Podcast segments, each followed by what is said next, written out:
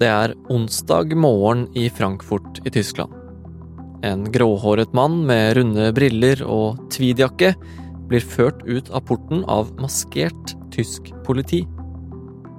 Han kan se ut som en hvilken som helst 71 år gammel belest tysker, men det er han ikke. Denne mannen i tweedjakke og håndjern er en del av en tysk adelsfamilie, og ikke minst, nå er han arrestert, anklaget for å ha vært med på å planlegge et statskupp i Tyskland, hvor han skulle bli lederen Heinrich den 13. Du hører Forklart fra Aftenposten, og jeg heter David Vekoni. I dag er det torsdag 8. desember. Eh, onsdag morgen ble det lagt ut en ganske spesiell melding på meldingstjenesten Telegram i Tyskland. Eh, der ble det hinta om at dagens leder i Tyskland skulle gjennom en ny Nürnberg-prosess. I meldingen som Aftenposten-journalist Ole Alexander Saue snakker om, så sto det at alt vil snart endre seg. Nürnberg-prosessen det var den store rettssaken og oppgjøret med lederne av Hitlers Nazi-Tyskland etter andre verdenskrig. Nå kunne det se ut som om noen ønsket å gjenta prosessen mot dagens tyske ledere. Men rett etter den illevarslende meldinga storma tysk politi 130 boliger over hele landet i en enorm politiaksjon.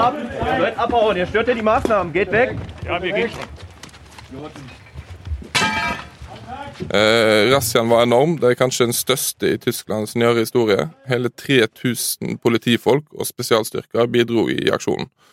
Og disse 25 da, som er arrestert nå, hva, hva, ble de arrestert for? Hva var det de planla? Først og fremst må vi si at de ikke er dømt, eh, og vi har ikke fått deres versjon.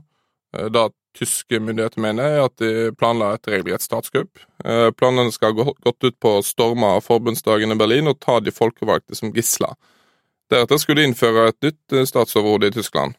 Og de skal være tydelige på at for at dette skal kunne skje, så kan de være nødt til å begå drap og et sånt kupp kunne ikke skje uten vold. Eh, det som planla kuppet, skal ha kjøpt inn utstyr, verva medlemmer og drevet skytetrening.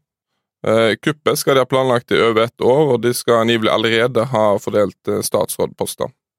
Og hva var målet til disse folka, da? Målet skal ha vært et tysk rike, et monarki etter modell fra det tyske keiserriket fra 1871. Uh, og lederen de skulle innsette, var adelsmann Heinrich den 13. Heinrich den 13., prins Royce, som han kalles, er den brille- og tweedkledde 71-åringen som ble arrestert onsdag morgen. Han er medlem av en gammel adelsfamilie, men de vil ikke ha noe med ham å gjøre. En talsperson for familien beskrev sin fjerne slektning som en delvis forvirret gammel mann som var fanget i konspirasjonsteoretiske misoppfatninger, ifølge en tysk radiokanal. Og denne tyske adelsmannen Heinrich 13., han skal være tilknyttet en gjeng som kaller seg Reichsburgerbevegelsen. Eh, Reichsburgerbevegelsen går i all hovedsak ut på å fornekte at Tyskland i dag er en legitim stat, og er tidligere statsdannelser som fortsatt gjelder. Eh, dagens Tyskland har jo vært gjennom mange konstellasjoner etter mange kriger de siste hundre årene. Eh, noen mener at det fortsatt er det tredje riket, altså Nazi-Tyskland, som gjelder, mens noen vil tilbake til Weimar-republikken. Dette er ikke en klassisk organisasjon, men mer en sånn bevegelse med løst eh, sammensatte grupper uten en klar felles ideologi. Men det som går igjen, er konspirasjonsteorier, eh, antisemittisme, eh, rasisme, frykten for en djup stat. Flere av personene er også knytta til nynazistiske grupperinger. Uh, tysk etterretning anslått bevegelsen har rundt uh, 21 000 tilhengere, og sånn rundt 5% av de uh, høyreekstreme. Ok, så det her er den bevegelsen som mange av de arresterte i går skal ha tilknytning til. Vet vi noe om de andre som er arrestert, bortsett fra denne prins Heinrich den 13.? Blant de mistenkte så er det en tidligere forsvarstopp, tidligere medlem av forbundsdagen for det høyreradikale partiet AFD. Og så kan det òg ha vært aktive og tidligere elitesoldater, eh, lege, eh, dommere. Så det er liksom fra alle mulige lag av samfunnet. Hvor spesielt er egentlig det som har skjedd i Tyskland eh, nå? Det er jo helt spesielt. Avisene i Tyskland beskriver det som den største tyske razziaene i nyere historie. Eh, og dette skal angivelig ha vært planlagt i over ett år. Og klart, når det er snakk om et statskupp, så er jo det veldig alvorlig. Ifølge avisa Die Zeit så er dette en av de største terrortruslene i Tyskland på mange år. Men selv om dette var en stor og oppsiktsvekkende aksjon, så kom den ikke ut av ingenting. For denne bevegelsen har prøvd noe lignende før.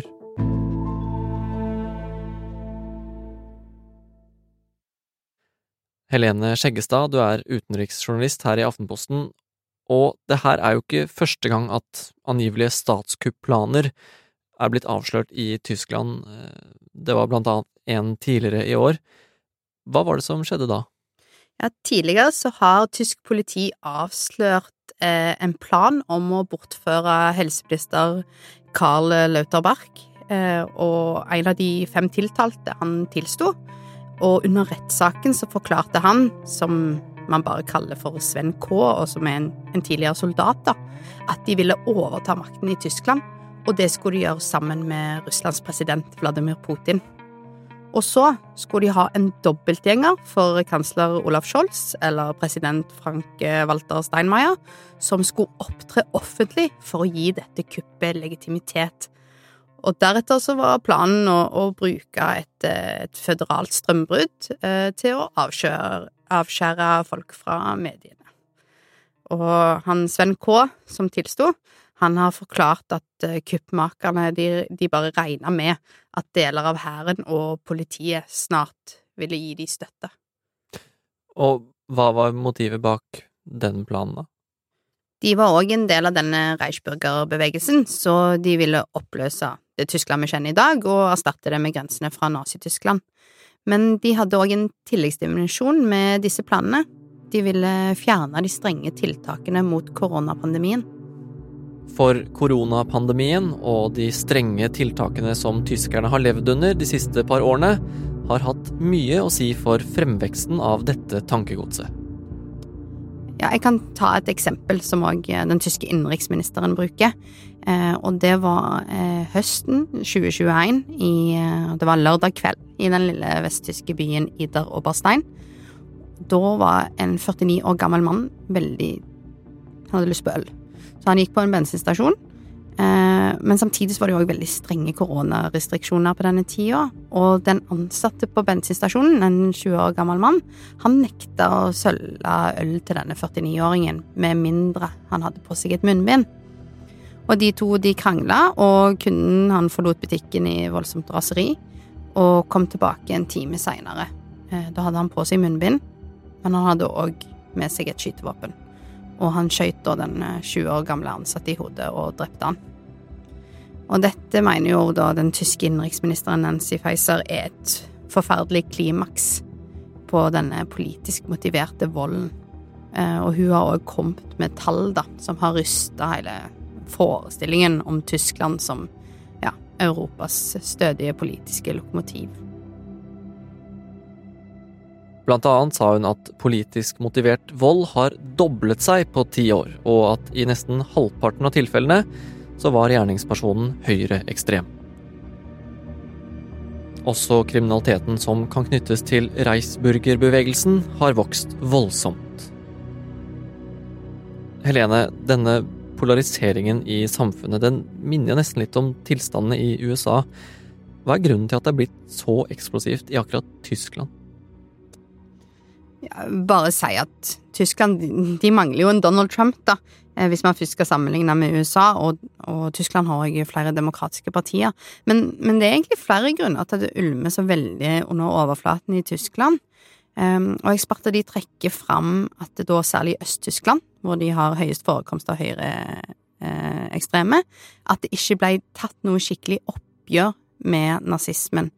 Um, og at det alltid har vært liksom det største tabuet i dette området, og, og dermed òg ofte den veien opprørske ungdommer ser da for å bryte ned liksom, det bestående og det etablerte. Eh, og denne her historiske arven med dette manglende oppgjøret, det møtte i 2015 en migrantkrise som skapte reell frykt for mange innbyggere sin egen situasjon.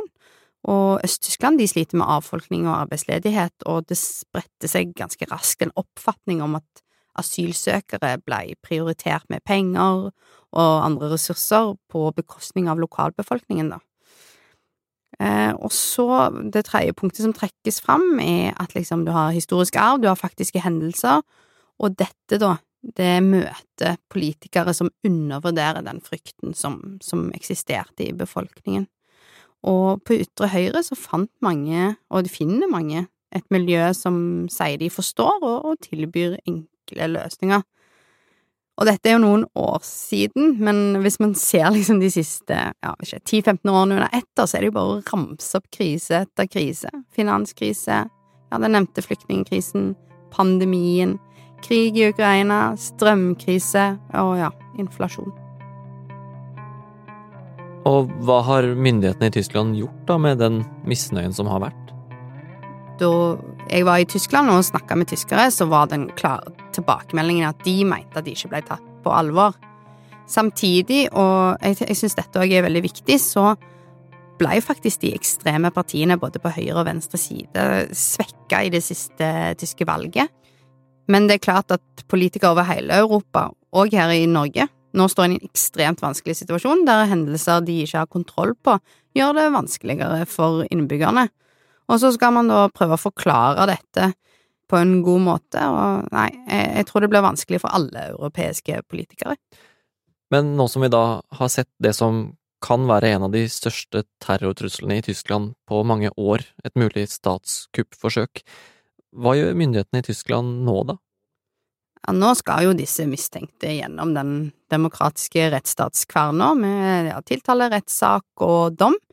Og så I tillegg så har tyske myndigheter satt i gang enormt mange prosjekter for å få kontroll på denne høyreekstremismen, eh, blant annet sånn prosjekter i, i Forsvaret og politiet.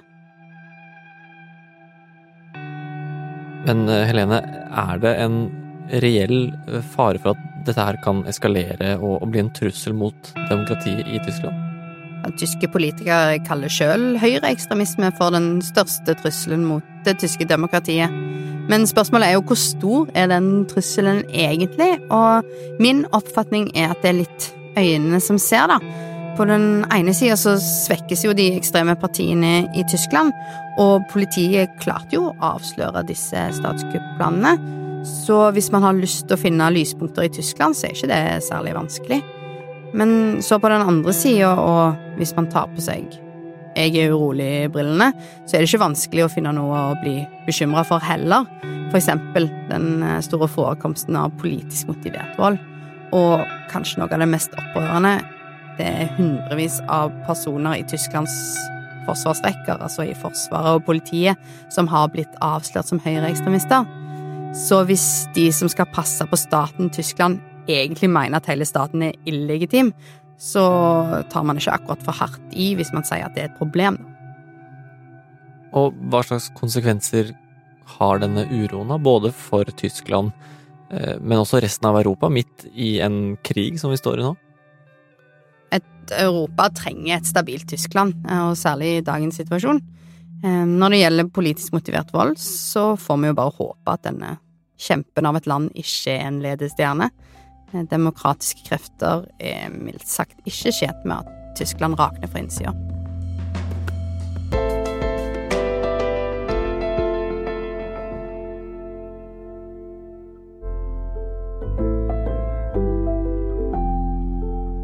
Du har hørt en podkast fra Aftenposten. Det var Ole Alexander Saue og Helene Skjeggestad som fortalte om det angivelige kuppforsøket i Tyskland. Lyden du har hørt, er fra nyhetsbyrået AP. Det er Synne Søhol, Anne Lindholm og jeg, David Vekoni, som har laget episoden. Ola Lunden, som er på utplassering hos oss, har også bidratt. Resten av Forklart er Anders Weberg, Marit Eriksdatter Gjelland, Jenny Førland og Fride Næss Nonstad. Takk for at du hørte på. Jeg vet ikke om jeg kommer hjem i live eller i kiste. Hun fikk en dødelig diagnose, men nekta å gi opp. I et halvt år har vi fulgt kreftsjuke Shabana Rehman nå tenker jeg at vet du hva, jeg har lyst til å leve. Men hvor kom denne kampgløden fra? Da trenger jeg deg her, mulla Krekar. I 25 år har hun prega samfunnsdebatten. Og det hun gjør da, det er at hun kysser meg. Det har kosta. Det føltes ut som et ordentlig drapsforsøk, ikke sant? Er det krigserklæring, liksom? Shabanas verden. En dokumentarserie i seks episoder fra Aftenposten. Hos Podme og i Aftenposten-appen.